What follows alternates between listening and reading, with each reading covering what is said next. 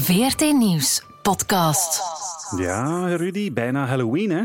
Ah, ja, ja, ja. Ik ben mijn pompoen al aan het schrapen. Is het echt? nee, toch niet helemaal niet. Ah, maar dan kom je toch verkleed naar het werk. Als uh, horrorwezentje zo. Ja, bijvoorbeeld? Of als heks op een bezem, ja. Ja, zou ik heel grappig vinden. Afgesproken? Absoluut. Ik, ik ga hem parkeren. Dat is goed, voilà, dat weten we al. Rudy komt verkleed naar het werk met Halloween. Franks en Bilo. Met Rudy Franks en Vincent Bilo. Ja, welkom bij Franks en Bilo, de podcast waarin we je maandelijks bijpraten over de grote conflicten van onze tijd. Hè. Waar brandt het en vooral waarom?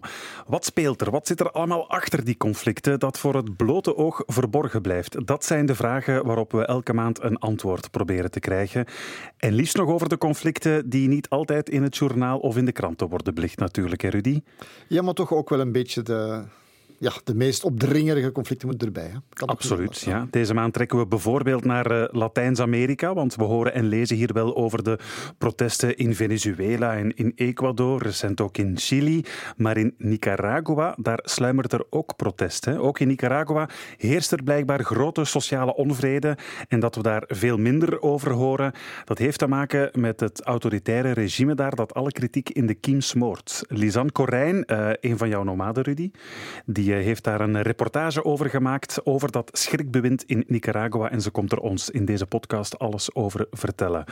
We gaan het ook over Allo Allo hebben. Good morning. Waarom? Dat, dat ja, ontdek je straks nog wel. Ja, ja, ja, ja, het, wordt nog, het wordt nog grappig ook. Uh, we passeren ook even langs eh, Bangladesh en India. Maar beginnen doen we bij de belangrijkste brandhaard. Rudy, je zei het al, de belangrijkste brandhaard van het moment. Ik heb het over Noord-Syrië natuurlijk. Rudy, je bent nog maar net terug uit eh, de regio. Er valt veel te vertellen, want ik heb toch het gevoel dat we live geschiedenis aan het beleven zijn.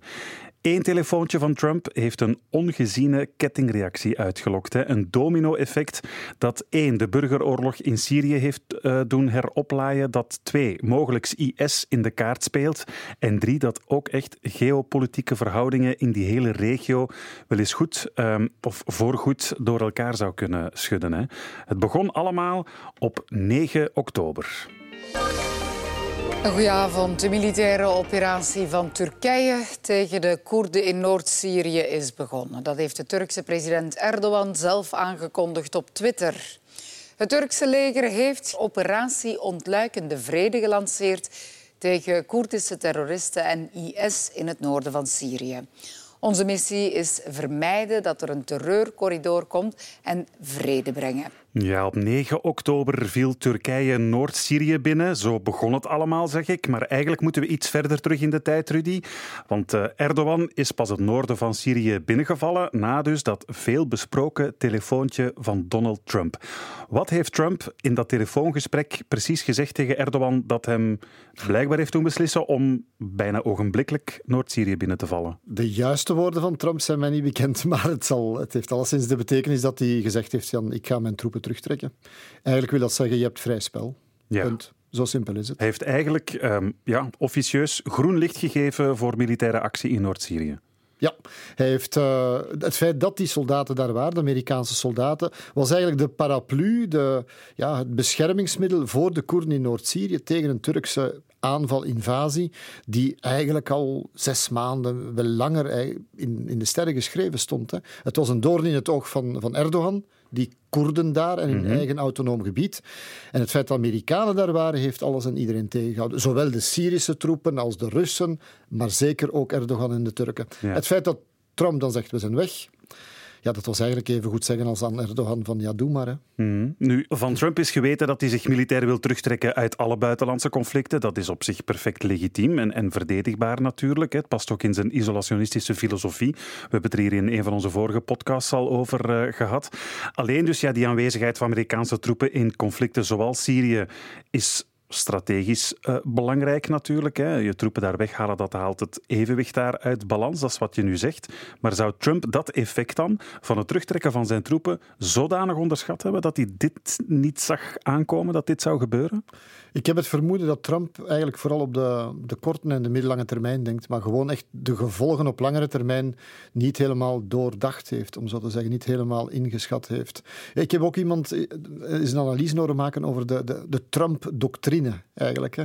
Die bestaat eruit door een tweet of zo het huis in brand te steken en vervolgens, als het bijna afgebrand is, te gaan blussen. Dat is zo'n beetje wat de tweets van de voorbije weken eigenlijk gedaan hebben. Ja, en dat blussen heeft hij inderdaad geprobeerd door luttele dagen na dat uh, telefoongesprekje, op de dag eigenlijk dat uh, Turkije besloot om Syrië binnen te vallen, een brief te sturen naar Erdogan om uh, te waarschuwen voor die oorlog. Een brief die ja, vooral opviel door de niet zo presidentiële toon. En nu druk ik mij zacht uit, hè, Rudy. Want je moet eens luisteren, toen de Amerikaanse zender NBC de hand had kunnen leggen op die brief, geloofden ze eerst niet dat het om een officiële brief van president tot president ging. Ze hebben de authenticiteit moeten dubbelchecken, maar het klopte dus. En luister maar naar hoe die brief klinkt. NBC News has just obtained a letter from Donald Trump to the president of Turkey. So weird. We had to check with the White House to make sure it's real, and it is. I'm going to read you the whole thing. Dear Mr. President, let's work out a good deal! Exclamation point. You don't want to be responsible for slaughtering thousands of people, and I don't want to be responsible for destroying the Turkish economy. Don't let the world down. You can make a great deal. History will look upon you favorably if you get this done the right and humane way. It will look upon you forever as the devil if good things don't happen. Don't be a tough guy. Don't be a fool. Second exclamation point, I will call you later. Het is wel direct, Sincerely. Wel directe oh. taal, hè? Ja, dat, dat, wel, uh... dat, kun je wel zinnen, zeggen. Vooral dat, vooral dat ene zinnetje. Don't be a tough guy. Don't be a fool. Dat toont toch wel aan hoe Trump echt als een olifant door een porseleinkast walst, eigenlijk, hè? Ja, absoluut. En hoe... Ja, wat, ik mij niet kan, kon inbeelden, is dat hij de consequenties niet kon inschatten van wat er daar nu eigenlijk zich, zich zou afspelen. Je kan je troepen terugtrekken, dan krijg je een aanval. Wat had hij dan gedacht? Het plan van Erdogan had hij eigenlijk al een week eerder op tafel gelegd. Hij had al eens ooit verteld aan zijn aanhang, Erdogan. Hij wou een paar miljoen Syrische vluchtelingen uit Turkije terug naar die regio brengen. Die regio waar ze niet vandaan kwamen, want ze kwamen van elders in Syrië. Mhm niemand stond er toen bij stil dat je een soort van etnische zuivering krijgt of omvolking krijgt. Want er wonen natuurlijk ook al een paar miljoen Koerden. Wat moet je daarmee naartoe? En met die strook van 30 kilometer, ik heb ergens gelezen dat die 100 dorpen, 140 dorpen en, en 10 steden wou oprichten of wil oprichten om daar die mensen te huisvesten. Ja, ja dat, is, dat, is, dat, is, dat is waanzinnig. En dan de gevolgen. Ja, wat, wat betekent dat voor al die andere landen? Hè? Dit is, dit is, ja, het is eigenlijk wel een beetje waanzin. Het is een gigantisch domino-effect dat hij in, eh, in gang heeft gezet. Ik stel voor dat we het steentje per steentje even omleggen en, en, en kijken wat hij allemaal heeft aangericht, Trump. Maar laten we misschien toch eerst eens even beginnen met wat er in Erdogan zijn hoofd speelde om het noorden van Syrië binnen te vallen. Het is logisch, het is perfect logisch, uiteraard. Erdogan zit met die 3,5 miljoen Syrische vluchtelingen. Wat immens is, wat wij ons met moeite kunnen inbeelden zelfs. Dus dat is een, een, economische last, dat is ook vooral een politieke last. Want door de eigen bevolking, hè, die is er niet meer mee opgezet dat daar al die Syriërs zitten, dat ze ook tot in Istanbul, dat, er is ook wel werkloosheid, economische crisis in Turkije. Je hebt, uh, ja, het, het, gaat niet makkelijk. Mensen hebben dan het gevoel van, ja, die Syriërs gaan met onze jobs en geld lopen. Dat is mhm. al één. Gevolg, Erdogan heeft voor de eerste keer, en dat was toch wel een serieuze klap, een grote verkiezing verloren. Nog niet zo lang geleden. Hij heeft namelijk de stad Istanbul verloren. Ja. Zijn eigen thuisbasis, eigenlijk, waar hij vroeger burgemeester was, dat, dat is een ongelooflijke vernedering voor hem politiek gezien. Het leek wel een keerpunt. Het begin van het einde van de politieke macht van Erdogan. En dat heeft ook te maken met dat vluchtelingenprobleem? Deels wel. Mensen uh, zijn daar, uh, waren daar niet mee opgezet en hadden het gevoel dat zij achteruitgesteld waren. Mensen waren ontevreden. Ontevreden wordt gekanaliseerd op die manier. Erdogan, wat doe je dan als je zo'n soort politiek probleem hebt? Je zoekt een externe vijand. Dat is mhm. altijd het makkelijkste. In dit geval de Koerden, de oeroude externe vijand of interne vijand, want ze hebben zelf miljoenen Koerden natuurlijk.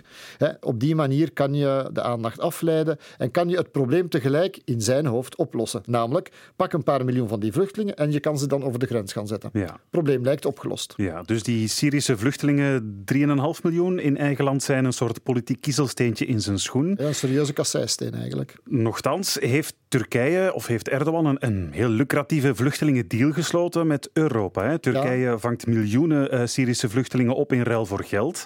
Maar hoe ziet, die, ja, hoe zit die deal eigenlijk in elkaar? Hebben ze in één keer een smak geld gekregen of is dat een afspraak van jaarlijkse, maandelijkse stortingen? Hoe moet ik me dat voorstellen? Dat concreet verloopt, daar, ben ik mij ook niet, niet, niet echt van op de hoogte. Maar ik weet wel dat het over 3 miljard gaat. 3 miljard die door Europa zou, de Europese Unie, aan Turkije. Dat heeft te maken, dat gaat over voor opvang van vluchtelingen. Mhm. Dus als die Syrische vluchtelingen in de ogen van vele Turken hulp krijgen, dan is dat eigenlijk wel uit Europees, met Europees geld betaald. Dat is niet dat dat Turks geld is dat zij anders zouden krijgen.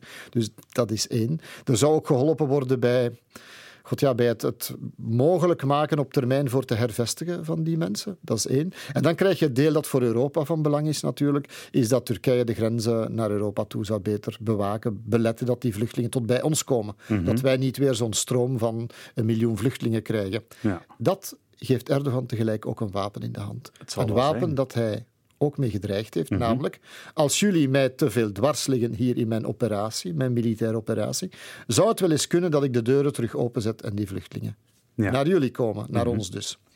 Um, er is veel protest tegen die deal ook geweest in het Europees Parlement. Men is niet helemaal tevreden met de situatie van de mensenrechten, hoe dat Erdogan daarmee omsprong na de militaire coup die er geweest is tegen hem. En ja, daar is wel twijfel over, maar tegelijkertijd is er dan toch het engagement geweest, als ik me niet vergis, om de volgende drie jaar opnieuw zo'n deal van 3 miljard af te sluiten. Ah, ja. Dus er staat veel geld op het spel voor Erdogan. Ja. Die Syrische vluchtelingen daar een, een oplossing voor vinden, dat is een, een eerste argument van, uh, van Erdogan. Een tweede belangrijke argument is. Um, ja, de zogenaamde terreurdreiging die uitgaat vanuit het noorden van, uh, van Syrië. En dan gaat het uh, specifiek over die YPG. Is dat een, een Koerdische militie, mag ik het zo noemen, die het noorden van uh, Syrië een beetje controleert? Ja, zij zouden het liever misschien het officiële Koerdische autonome leger noemen of zo. Maar je kan het een militie noemen natuurlijk. Het is de gewapende arm van de PYD. Dat is de, ja, de politieke vleugel die voor autonomie voor de Koerden en rechten voor de Koerden in Syrië, dat gebied Noord-Syrië, ijvert. Maar volgens Erdogan terroristen. En hè, dat is een van de redenen ook. Uh, of een van ja, de... het probleem is dat deels in Turkije worden alle vormen van politiek verzet vanwege de Koerdische gemeenschap, en ik moet mijn woorden wikken en wegen natuurlijk, als een vorm van potentieel terrorisme beschouwd. Dus je hebt een groot probleem, of al tientallen jaren, in Turkije zelf, waar de meeste Koerden wonen, tientallen miljoenen. En dat, ja, je hebt daar een, een politieke strijd, maar je hebt tegelijkertijd ook een gewapende strijd daar. Nu, die vleugel in Noord-Syrië, die dezelfde ideologie heeft als die in Turkije. Dat is links, communistisch, socialistisch, zo je wil, um, die naar autonomie daar streeft. Het feit dat ze daar in Noord-Syrië die dat autonome gebied hebben opgericht. Met strijders die deels ook uit Turkije zijn gekomen, misschien die van de, achter dezelfde vlag aanlopen.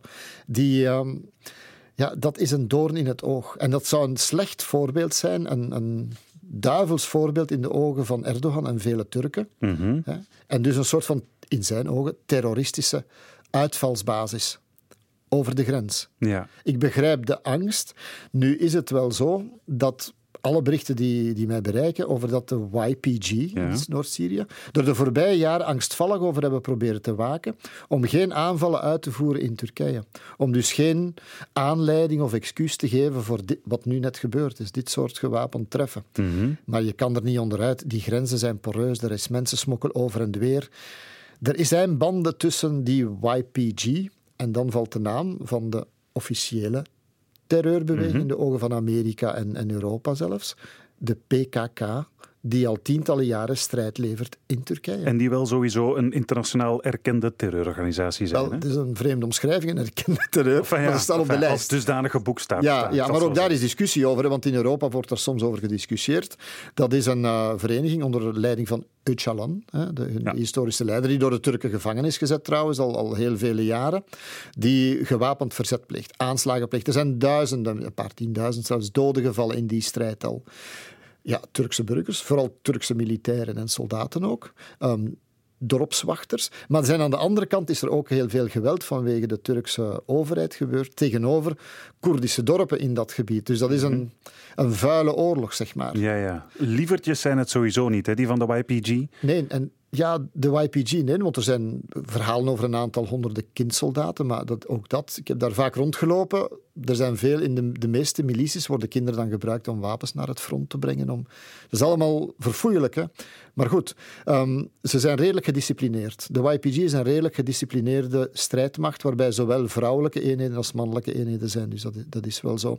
Wat mij wel is opgevallen, in elk kantoor daar, bij elke wachtpost hangt de foto van Öcalan, de grote terreurleider van de PKK. Dus er is toch wel een duidelijke Er zijn banden, uiteraard zijn er banden. Ideologisch zitten ze op dezelfde lijn, alleen hebben ze een andere methode, zeg maar. De YPG heeft van in het begin gezegd van zij willen autonomie verwerven daarbinnen.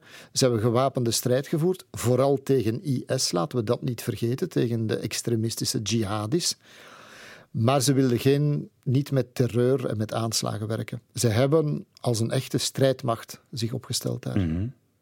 Maar dus die inval van Turkije in Noord-Syrië, dat is het eerste domino-steentje dat viel na dat telefoontje van Trump. Laten we nu eens eh, de verdere steentjes bekijken. Hè. Eh, nog een uh, groter geopolitiek gevolg is dat de Koerden bijna meteen of toch heel snel de hulp hebben moeten inroepen van hun ja, eigenlijk vijand, de Syrische president Assad, die eigenlijk de facto zonder één schot te hoeven lossen heel het noorden van zijn land weer onder controle heeft gekregen. Dat is toch een een ongelooflijke aardverschuiving in die, in die Syrische burgeroorlog. Ja, je kan zeggen dat het misschien zelfs het, het einde van die Syrische burgeroorlog dichterbij brengt. En misschien dat Trump zelfs daaraan gedacht heeft, wie weet. Ah, Want eigenlijk Noord-Syrië, dat was een kwart van het land, had, wie had het onder controle? De Koerden. Door de Koerden daar onder de knoet te krijgen, de Koerden moesten kiezen. De, de militaire leider van de, de YPG heeft gezegd van we konden kiezen tussen genocide, ik vind dat een krachtige uitspraak, van mijn volk, hè, daar, door het Turks leger, mm ofwel onderwerping.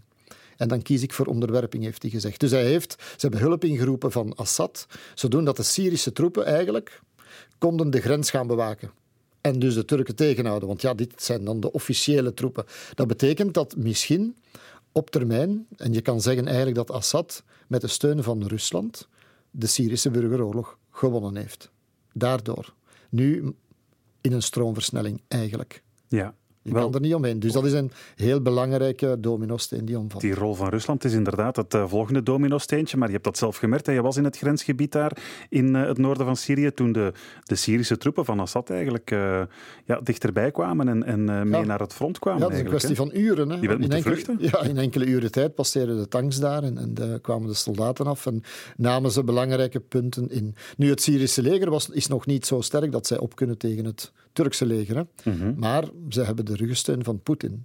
Dus Poetin, eigenlijk is Poetin de grote strategie nu van het Midden-Oosten daardoor. Ja, inderdaad, want dat is het, het volgende domino-steentje waar we dan uh, bij aankomen. Dat Trump, ja, willens nillens, de rode loper heeft uitgerold voor, voor Poetin in het Midden-Oosten, wordt uh, gezegd. Hè. Uh, het is Rusland dat een staakt het vuren heeft onderhandeld. Het is Rusland die de bondgenoot is van Turkije en Syrië. En het is dus ook Rusland dat scheidsrechter kan spelen in dit conflict en heer en meester wordt in de regio. Hè. Professor internationale betrekkingen Rick Koolzaad verwoordde het in de afspraak als volgt dat Trump eigenlijk bereikt heeft, dat is de rode loper is uitgerold voor Rusland als nieuwe grootmacht in de regio. Het Syrische leger, het Syrische regime, waar we het allemaal zo tegen waren, is zonder enig uh, geweerschot te moeten lossen opnieuw aanwezig in het noordoosten van, uh, van, van, van, van Syrië. En de Verenigde Staten heeft zichzelf compleet schaakmat gezet in die regio. De Verenigde Staten hebben geen enkele invloed meer. Nee, en blijkbaar is dat ook uh, de toon die de, Russen, de Russische media uh, aanslaan nu. Uh, Poetin, schrijven ze daar, heeft de lotto gewonnen. Ja, hij zegt ook zelf, en ze, ze, ze, drukken graag op die wonden, dat Amerika zijn bondgenoten, de Koerden, verraden heeft. Nu, Poetin, ik, één kleine basistheorie van, van dat soort politieke wetenschap is de zero-sum game. Dat is namelijk, ik win als jij verliest. Ja.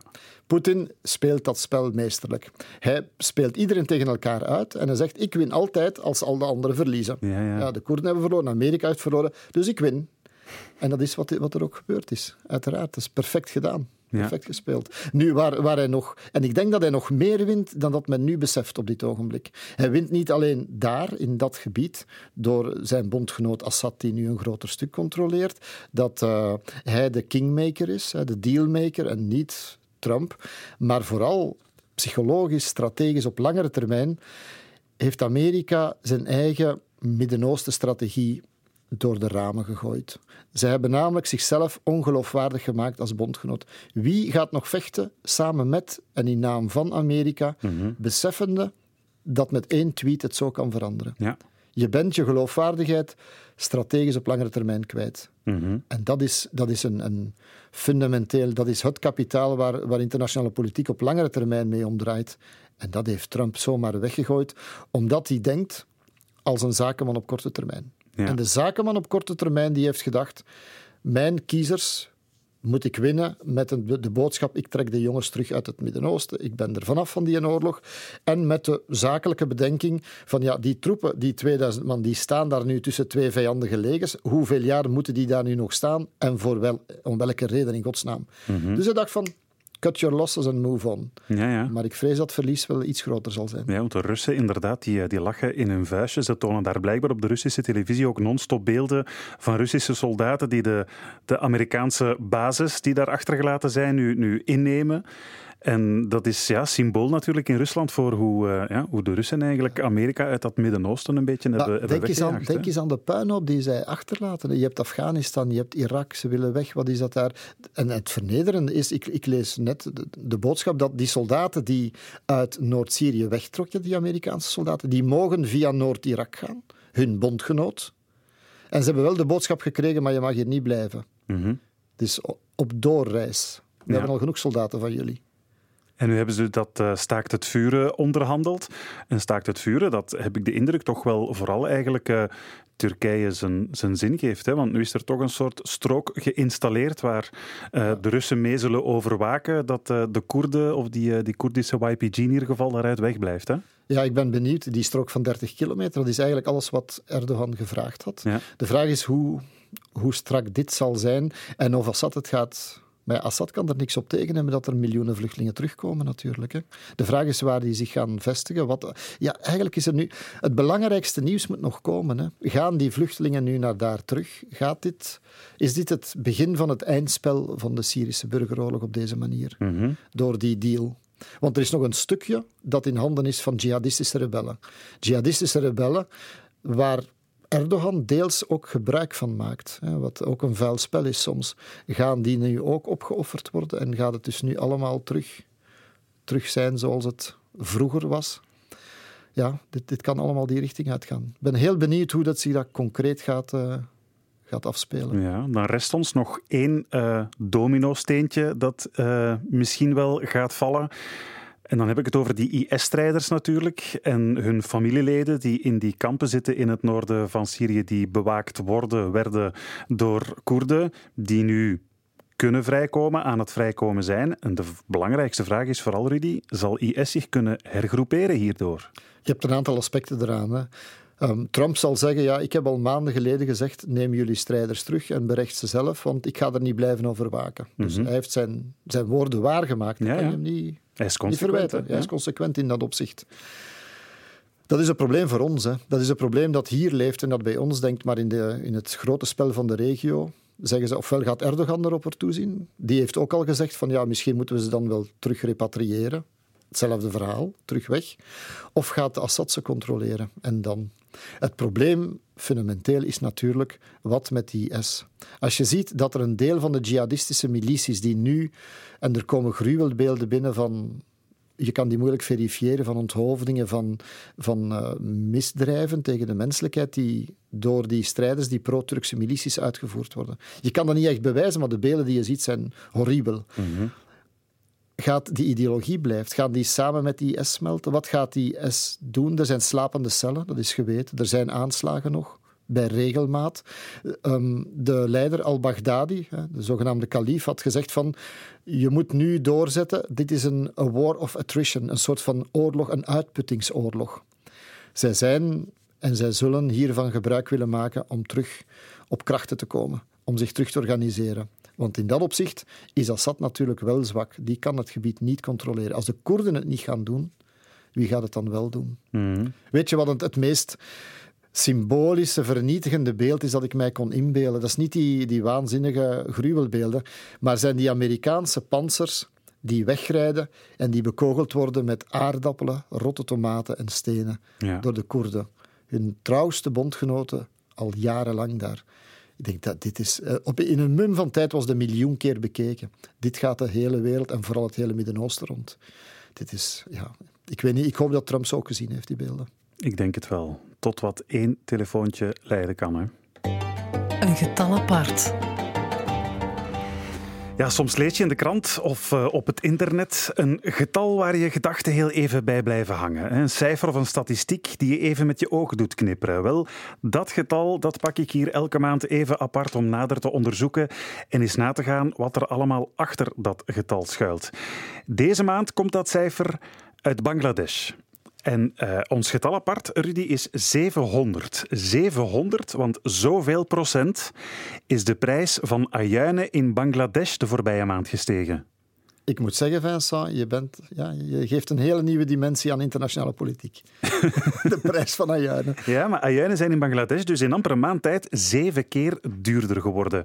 Uh, toen ik je dat uh, daarnet vertelde, Rudy, moest jij meteen aan uh, Alo Alo denken. Absoluut, one of my favorites. ja, want dus in de Tweede Wereldoorlog moest men al eens undercover gaan, zo ook in Allo Allo. Zowel bij de Duitsers als bij het verzet. Het is eigenlijk Leclerc, hè? Ja, voilà, Leclerc deed dat. Maar soms inderdaad ook de, de Duitsers. En in één aflevering bleek uh, plots iedereen verkleed te gaan als ajuinverkoper. You know, Colonel, it is quite pleasant to be a French onion seller. People smile at us. Oh my God, more onion sellers. Colonel, it is I, Helga. Why, dressed as an onion seller? Herr Flick will be suspicious. He is also disguised as an onion seller. I am just a simple onion seller in search of fine and food.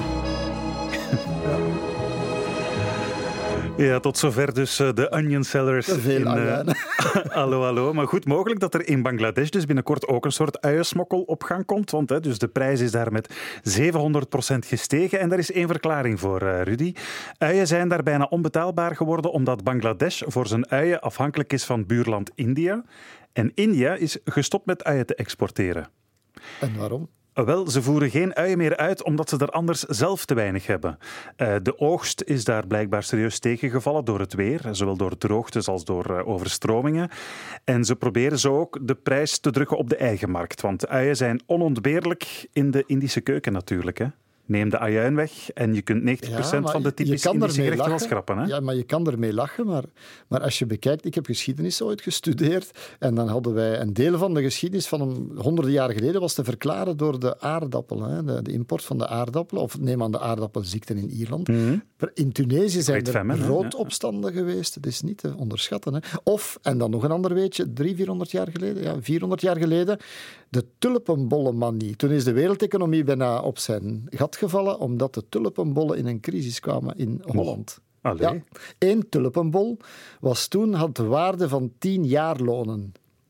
Dat is, dat, is nog wat anders, hè? Ja, ja inderdaad. dus Ayaan, ik geloof u. Ah, wel, ze worden nu het, het, goud van de Indische keuken genoemd. Hè. En inderdaad, het heeft ook allemaal economische, economische uh, waarde. De prijzen in India die waren, die waren gigantisch aan het stijgen. Ze zijn dat nu aan het drukken om het natuurlijk ja, betaalbaar te houden voor Indiërs om überhaupt te eten. Om maar te zeggen dat zoiets banaals als een ajuin toch zo'n grote economische impact kan hebben. Ja, maar eigenlijk is dan de, de prijs van de ajuin, als ik mag voort borderen daar, borduren erop, is, is namelijk een soort van koortsthermometer voor de stand van de Indische economie. Ja. De arme mensen, de boeren, een groot deel van de Indische bevolking zijn boeren, hè, leven of zijn afhankelijk van de prijs of het voedsel, basisvoedsel van de Ayaan. Als dat verdriedubbelt of zo in prijs, ja, dat is, een, dat is een catastrofe voor die mensen. Dat wil natuurlijk ook zeggen dat de Indische economie niet voldoende, nogthans is dat een van die Aziatische tijgers, hè, die economische groeilanden, is die dan niet voldoende omgeschakeld naar we zeggen vaak India, dat is het land van de high-tech ook, maar ook van de auto-industrie, van de kledingindustrie. Ja. Blijkbaar is dat niet voldoende en niet snel genoeg gegaan om de, ja, om het grootste deel van de bevolking vooruit te helpen. Ja, want dat is wat ik er zo contradictorisch aan vind. We horen inderdaad al, al jaren van India. Dat is de, de economie die in het oog moet uh, houden. Hè. Die is gigantisch aan het boomen. Dat wordt een van de grote wereldeconomieën. En dan, dan merk je dat, dat de economie kan geraakt worden door zoiets banaals als de, de prijs van een ui. Ja, maar dat is, dat is inderdaad effectief de koortsthermometer. Het kan wel zijn dat er bijvoorbeeld India al de callcenters zitten, misschien in India, en eh, waar dat wij mee geconfronteerd worden. Maar tegelijkertijd, India, dat is hoeveel, een miljard en zoveel mensen. Honderden miljoenen mensen zijn wel afhankelijk, nog steeds, blijven achter en zijn afhankelijk van die basisvoorzieningen. En dan komt de politiek, want India is, zegt men ook, de grootste democratie. Mm Dus wie is daar de, de president? of, of, of de premier, Modi, een ja. hindoe-nationalist, een populistisch hindoe politicus, die daarvan die beloofd had um, om 10 miljoen nieuwe banen te creëren. Als dat nu niet lukt, of als blijkt dat er een economische crisis is, ja, dat is natuurlijk de ruggengraat van zijn systeem, van zijn politieke toekomst ook. Dus voor hem, de politieke toekomst van de baas van India, van Modi, zal misschien wel afhangen van de prijs van de ayaan. Dus Zelfs zover kan het gaan. Ja, ja. En je zegt wel India een van de grootste um, democratieën. Um, dat is natuurlijk wel uh, de vraag als je er de kwestie Kashmir bij neemt. Want ze hebben uh, onlangs nog eigenlijk eenzijdig een deel van de onafhankelijkheid van Kashmir, um, ja, hoe moet ik dat zeggen, uh, teruggeroepen, uh, teruggeschroefd. Ja, na tientallen jaren, maar alweer, als de meerderheid die hindoe-nationalistisch denkt in het parlement, het Indische parlement beslist om dat te doen, dan is dat een democratische beslissing.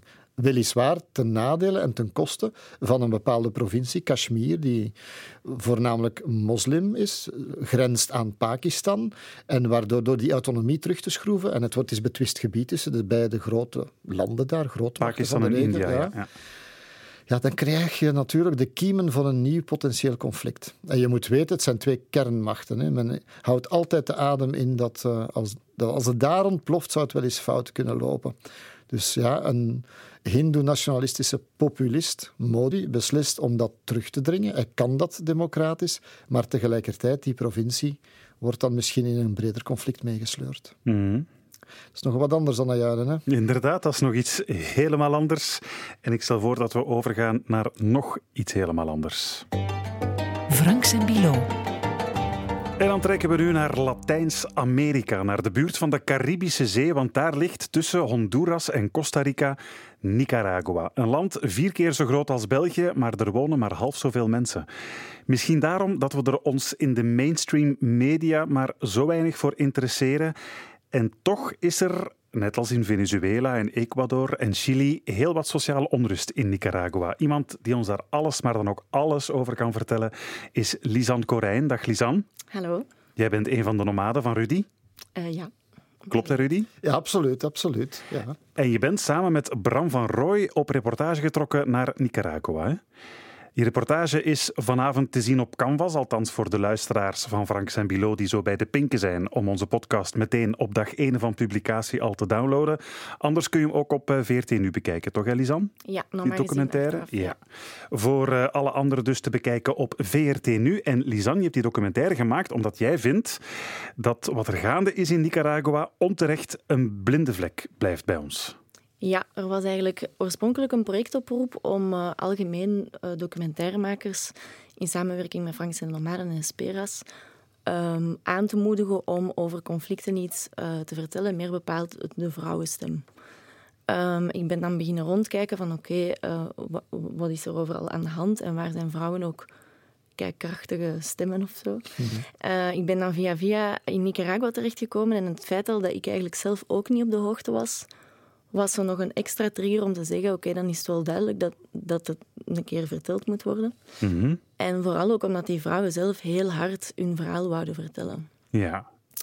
En je merkt nu ook nog, als, als ik vertel, um, voor ik vertrok, ah, ik ga naar Nicaragua, dat mensen dachten dat dat een plezierreis ging zijn. Uh, en dan toevallig on the site nog een beetje um, documentaire maken of zo. Ja, maar dat snap Geef nu maar toe. Ja, ja zo van, ah, eh, uh, cheape vakantie, ken ja. het. Um, terwijl dat als je dan vertelt dat er effectief aan de hand is, wel heel veel mensen verschieten. Ja, absoluut. Wij weten er hier eigenlijk, ik althans, uh, heel weinig tot, uh, tot niks over. Um, eerste aanknopingspunt voor die documentaire is een Skype-gesprek dat je hebt gehad met een, een vrouw daar in Nicaragua. Ja, dat was eigenlijk een grappige setting, want we zaten gewoon op café en dan dachten we, oké, okay, we, gaan, we gaan die persoon gewoon bellen. En omdat zij zo enthousiast was en zo hard iets had van, kom naar hier, want deze verhaal moet naar buiten ben ik daar dan eigenlijk opgesprongen. En het feit dat zij tijdens dat Skype-gesprek al zoveel informatie kon geven over wat er misging, over mensen die gevlucht zijn, um, mensen opgepakt dat ze zelf eigenlijk niet weten waar of, of waar dat die dan terecht zijn gekomen. Mm -hmm. Maar die vrouw mag niet geweten zijn wie het is. De persoon waar ik het nu over heb, niet. Niet, nee. niet. Dus het is eigenlijk het is tegelijkertijd enthousiasme en aan de andere kant toch ook wel soort van Ja. angst op een of andere manier. Ik denk dat het daar in haar persoon heel hard aan ging, omdat ze ook gelinkt is aan een organisatie en dat dat veel te gevaarlijk Ah, is om, om uh, u daarover uit te spreken. Los daarvan uw persoonlijke veiligheid ook. Als je uh, uitspreekt over het conflict uh, tegen de regering, ja, dan loopt je gevaar. Ja, veel mensen wilden alleen maar anoniem getuigen daar in Nicaragua. Mogen we zeggen dat er echt de facto in Nicaragua een schrikbewind heerst? Als mensen ja, letterlijk schrik hebben om zich uit te spreken, dan mogen we dat toch wel zeggen, hè? Ik denk het wel, ja. Zeker om, omdat als je op straat bent, gaan, ik vergelijk dat eigenlijk altijd met de klimaatmars. Stel je voor, je gaat uh, in Brussel uh, wandelen op de klimaatmars en ineens beslist de regering om het vuur te openen en mensen gewoon random op te pakken, mm -hmm. zonder dat je eigenlijk weet waar naartoe of, of wat er dan mee gebeurt. Ja, dan denk je toch wel nog eens deftig na voordat je opnieuw uh, het straat opkomt. Mm -hmm. Zijn er veel doden gevallen die protesten dan? Ja, officieel zitten ze tussen de 300 en de 400, maar onofficieel gaan er ook verhalen de ronde dat mensen nog in goten worden teruggevonden of ja, toch zijn vermoord, maar dan steken ze het op iets anders. Um... Wel, de vrouw die je dan bent gaan opzoeken, waarmee je eerst hebt uh, geskyped, die, uh, die vertelt inderdaad ook over die eerste uh, opstanden in Nicaragua, nu in april vorig jaar dus eigenlijk. We hebben afgesproken met iemand die de opstanden van op de eerste rij meemaakte. Openlijk filmen kan niet, maar vanuit de auto proberen we toch een beeld te krijgen. Ze wil wel praten, maar wil niet herkend worden. But we need to act normal because the police is there. I will not stop here. Everything started. Uh, people was in the streets protesting, but then the kidnapping started. Uh, they forbidden the demonstrations, and paramilitares were on the streets. You, you did, at the beginning, you didn't even go out. Uh, many people or many companies they uh, give permissions to their employees to, to go early because if you were in the streets uh, during the night you were afraid that paramilitares uh, shoot you or police stop you it was uh, bizarre because you were afraid of the police Ja, dat protest werd dus met harde hand neergeslagen, mogen we wel zeggen. Maar daar blijft dit niet bij. Ik hoor dat mensen ook gewoon verdwijnen. Dat doet me een beetje denken aan het regime van Pinochet in Chili vroeger. Ja, ik denk um, dat het heel moeilijk was op een bepaald punt om, om als persoon nog te weten wanneer je wel veilig was of niet veilig was. Um, er werd ons ook op voorhand gezegd, zorg dat alle sociale media van je gsm is waar iets gelinkt is met wat je vandaag komt doen. Waardoor dat wij zo expres vakantiefoto's trokken, uh, gewoon om te laten zien alsof we daar wel gewoon toerist waren. Er wordt op, er wordt op alles gecontroleerd. Um, in de docu ook vertelt iemand van uh, tatoeages, waar mensen gewoon gecheckt worden. En als ze een verkeerde tattoo hebben, is dat ook een reden om opgepakt te worden. Maar Dus dat zijn bijna Noord-Koreaanse toestanden, dat je nog niet, niet eens mag kiezen wat je op je arm laat tatoeëren. Ja, ik verschoot daar ook heel erg van, omdat dat in mijn hoofd geen logica... Allee, dat heeft geen logica dat je gewoon mensen op straat vraagt mag ik nu eens kijken en doe de kleren uit of uh, ik ga kijken wat mm. Ben je er dan een beetje naïef naartoe getrokken eigenlijk?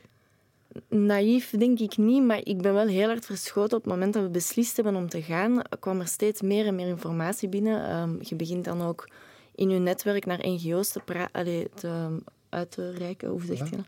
Om meer informatie te krijgen. En eigenlijk iedereen van België, um, stadsbesturen of NGO's die een band hebben met Nicaragua, zeiden wij, wij, wij moedigen het aan dat je het verhaal vertelt, maar wij willen er niets mee te maken hebben, omdat onze band gewoon in gevaar gebracht kan worden. Dan ga ik u nu de vraag stellen die de, heel de wereld mij, alle mensen mij voortdurend stellen. Had je dan geen schrik? Tuurlijk. En je moet dat dan maar eens aan je mama of je familie of je vrienden proberen uitleggen. Ja, ja. Van, ah ja, maar ik ga dat toch doen, ook al zegt iedereen dat ik beter niet ga. Zo dat land waar mensen plots verdwijnen als ze een kritische stem laten horen, daar ga ik nu naartoe, ja. ja. Maar ik denk toch nog altijd, um, als je er niet woont en, en je komt van ergens anders ja, dat is dan zo mijn enige hoop of zo, dat ik dan wel rapper teruggebracht word. Of, ja, is dat niet te naïef, Rudy? Je kunt het weten. Hè? Ben je altijd wat veiliger als buitenlander in een land? Ja, ik denk het wel. Ja, dat, is belangrijk. waarschijnlijk wist iedereen, wij wisten dat je er was en, en, en je had ook de backup van de ambassade en dat soort toestanden waarschijnlijk. Of toch van diplomatie. Heb je ze niet verwittigd? Nu ben ik aan het denken of ik dat gedaan heb. Ai, ja, ja, ja, ja. Echte pinten. Kan, nee, ik denk... dat we terug over inhoud hebben. ja. Uh, ik denk oprecht dat ze mij hebben gezegd, doe het niet. Um, ah, ja. Om, echt in de duik naar daar te echt gaan. Wij waren ook maar met twee, waren een hele kleine camera. Uh, we zijn via Costa Rica binnengekomen over de grens, omdat ze zeiden dat dat gemakkelijker was. Dus we dachten, ja, moeten we daar dan meer aan vasthangen dan gewoon mhm. twee toeristen die zouden gaan? Ik denk, Vincent, dat ik dat allemaal niet meer wil horen. maar je hebt daar nu wel gesproken hè, met een, een heel aantal uh, vrouwen in, uh, in Nicaragua. Wat, wat is nu eigenlijk het probleem? Probeer ons eens uit te leggen wat er nu tot dat protest leidt? Hoe voelen jonge Nicar Nicaraguanen en vooral vrouwen zich daar nu op dit moment? Ik denk dat ze nog altijd een, een hele grote vechtlust hebben, omdat ze het echt wel um, belangrijk vinden dat, dat er iets verandert. Er is nog ook heel veel hoop. Langs de andere kant is er ook veel pijn dat moet verwerkt worden, om, omdat je ja, je, je recht op vrije meningsuiting hebt moeten afgeven. Of je moet het op zo'n verdoken manier doen dat het ook niet meer echt vrijheid is. Um, en ik, ik denk, als je dan terugkijkt, wat ik heel belangrijk vond ook, is dat mensen oorspronkelijk heel blij waren met Ortega aan de macht. En dat is dan de afgelopen De president, want dat hadden we nog niet vermeld. Daniel Ortega al heel lang aan de macht daar. Ja. Twee keer zelfs al, twee keer heel ja. lang. En ook zijn vrouw um, heeft een hele belangrijke rol daarin. Um, maar doorheen de jaren is dat steeds strikter en strikter geworden. En dan op een bepaald moment hebben ze de sociale hervormingen proberen aanpassen. Daarvoor was al de boskap uh, gebeurd. En dan zijn mensen op straat gekomen en is het geëscaleerd omdat ze hardhandig ja, de mensen hebben opgepakt of vermoord. Dat is een typisch voorbeeld van hoe een president of iemand die te lang aan de macht is. Erdogan in Turkije heeft dat ook. Iemand die 10, 12, 15 jaar aan de macht is. En voor hem is het al de tweede keer dat hij zo'n lange periode aan de macht is. Maar wat mij vooral opvalt, ja, ik ben natuurlijk iets een tikkeltje ouder als jij, dat toen ik studeerde, toen waren de Sandinisten en Ortega, dat waren toen het linkse revolutionaire model in Centraal-Amerika. Dat waren de grote voorbeelden voor alle NGO's, voor alle, iedereen in die tiermondistische sector hier. Hm. Maar ik denk dat er dus wel nog mensen zijn die um, zich Sandinist voelen, maar niet Ortegist. Wordt dat dan ja. een dus hij heeft de erfenis ver, verloederd, zeg maar misbruikt. Ja, die indruk heb ik wel, waardoor dat sommige mensen even ook niet meer weten waar ze dan bij horen of niet. Die Sandinisten, voor alle duidelijkheid, dat waren de linkse revolutionairen, de linkse revolutionairen die zich afzetten tegen de inmenging van vooral Noord-Amerika. Ja, hè? tegen de Verenigde Staten, maar ook tegen de grootgrondbezitters die eigenlijk een soort van sociale rechtvaardigheid wilden in ja, het die land. strijd hebben ze gewonnen, maar dan zijn ze verslaafd geraakt aan de macht. Is het zo dat het moeten zeggen? Ja, hij heeft natuurlijk ook wel gezorgd voor uh, heel veel jobs bijvoorbeeld, waardoor dan mensen hem langs de ene kant dankbaar zijn, maar langs de andere kant doet hij dan weer heel andere dingen uh, die niet stroken met wat de mensen willen, uh, zoals uw recht op vrije meningsuiting afpakken natuurlijk, Waar, waardoor dat er heel veel... Ik weet bijvoorbeeld dat er op een bepaald moment iemand zei, mijn vader zit echt in, in een dilemma. Zijn familie is uiteengetrokken geweest omdat, omdat de opa nog wel gelooft in het regime, omdat hij gewoon twaalf jaar geleden keihard gevochten heeft daarvoor. Mhm. En stapt daar dan maar eens vanaf, twaalf jaar later, om te zeggen, maar we pakken gewoon iets anders. Ja, ja, en sommige mensen die je sprak, die kregen het soms echt te kwaad, hè, Lisanne? Zoals deze tattoo-artiste, wanneer ze vertelt hoeveel van haar klanten ja, bijna komen uithuilen op haar stoel.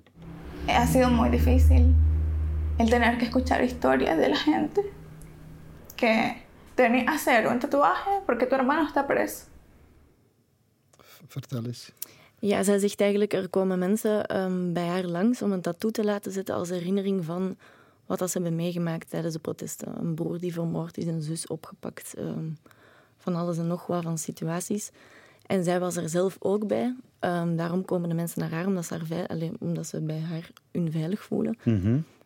Maar op een bepaald moment was dat voor haar ook duidelijk veel om te dragen, want ja, dat zijn geen verhalen die je elke dag hoort. Mm -hmm. En dus... wat nu? Wat nu? Wat nu daar in Nicaragua? Ik bedoel, is het gedaan met het protest? Gaat het voortgaan? Gaat het... Ik denk dat ze steeds nieuwe manieren gaan blijven vinden. Ze hebben uh, overlaatst ook um, in juni, al even geleden, vrijlatingen van de gevangen, politieke gevangenen kunnen regelen. Wat dat op zich een, een goede eerste stap bleek te zijn, maar dan hoor je wel dat die zodanig geregeld zijn dat de mensen die opgepakt zijn ook geen klacht kunnen neerleggen en dat die mensen dat daar heel moeilijk mee hebben, want dan zijn ze wel vrij, maar opnieuw weer niet over hun vrije meningsuiting dat ze kunnen aanklagen van ik ben misbruikt geweest, mishandeld. Uh, Dat was er aan de hand. Het is in ieder geval niet het uh, ideale perfecte sandinistische regime geworden dat jij misschien voor ogen had, Rudy, toen je nog bananenchips stond te verkopen in de Oxfam Wereldwinkel in de jaren 70? Ik heb daar nooit ingetrapt, Vincent. Ah, nee. nee, nee, nee, Ik vond alleen, het werkte op mijn zenuwen dat er zoveel over Nicaragua toen gepraat werd. Ik bedoel, je kon niet buiten komen. Iedere student, ze waren allemaal over Nicaragua en El Salvador bezig. Ik dacht van, waarom praat niemand over het Midden-Oosten? dat is bij deze veranderd. De rest is geschiedenis, kunnen we eigenlijk wel zeggen. En zo komt het dus eigenlijk, Lisa, dat alle aandacht naar het Midden-Oosten gaat en niet meer naar Nicaragua. Rudy. Maar dat hebben we bij deze toch mooi rechtgezet. Outspoken, hè, zo heet je documentaire voor wie onze podcast dus meteen heeft gedownload op de dag dat die verschijnt, vandaag, uh, zaterdag 26 uh, eh, oktober. Uh, die kan hem dus vanavond bekijken live in Franks op Canvas. En anders vind je de documentaire ook gewoon terug natuurlijk op VRT Nu. Lisanne Corijn, heel erg bedankt om naar onze podcast te komen. Graag gedaan. Dankjewel dat ik mocht komen.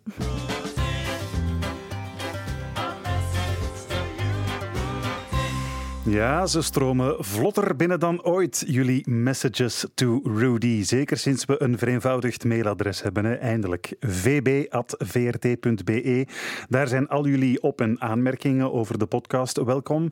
Maar ook dus jullie hoogstpersoonlijke vragen aan Rudy Franks, de conflictjournalist, de oorlogsreporter, de Midden-Oosten-kenner, maar bovenal ook de toffe peer van vlees en bloed uit Leuven, Vlaams-Brabant. Want dat ben jij tenslotte ook, hè, Rudy? Ja, ja. nog geen ereburger. Ik wacht, ik wacht. Ik Ah, een kleine tip. Kleine tip. Meneer uh, Mohamed Redouani, burgemeester, als, uh, als je aan het luisteren bent.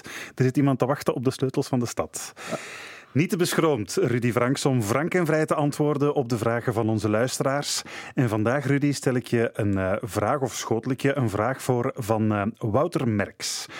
Die heeft net het nieuwste boek van Rutger, Bregman gelezen, de Nederlandse journalist. Sommigen zouden hem een activist noemen, maar laten we dat nu even in het midden laten. Bon, dat nieuwste boek van Rutger Bregman, dat heet De meeste mensen deugen.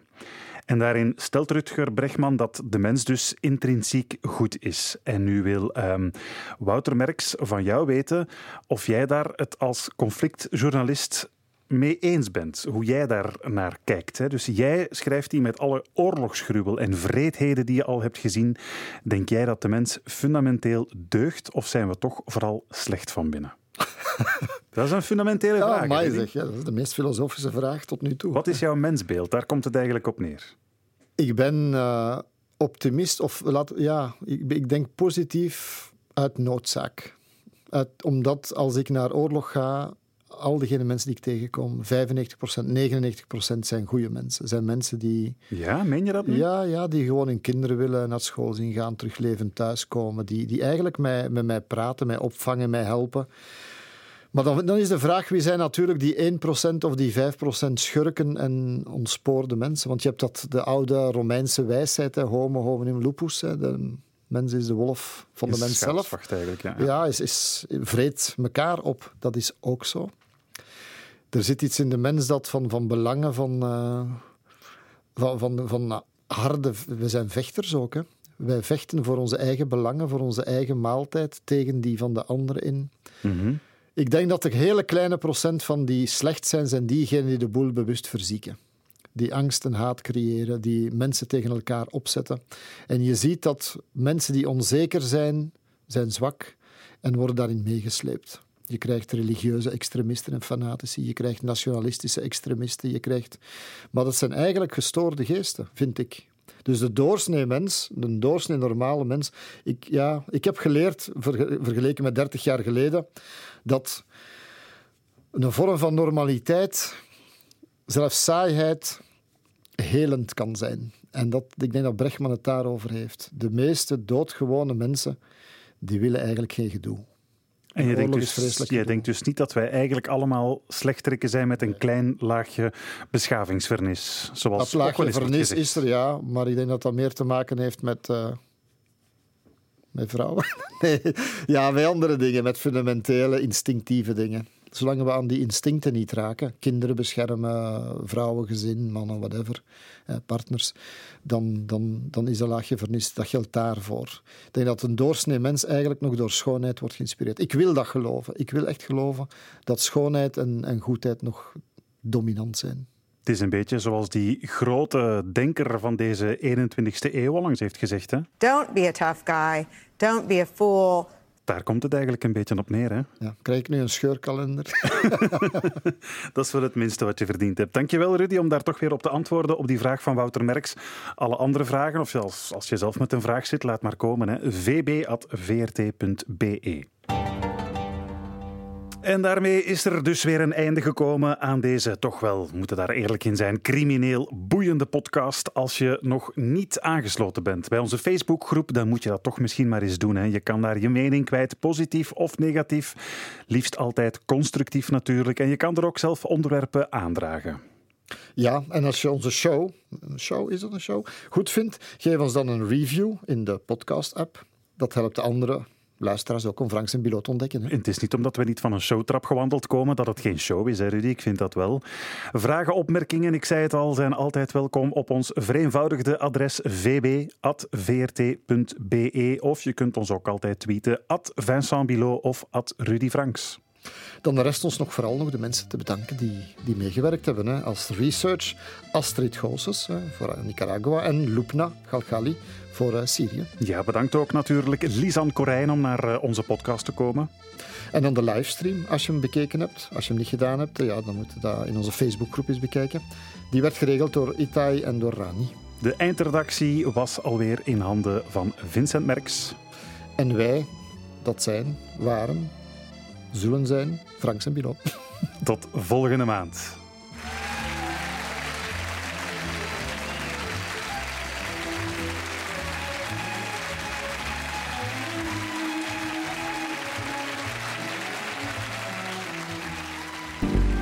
Was een podcast van vrtnieuws.be. Meer op de podcastpagina van vrtnieuws.be of via de podcast-app op je smartphone.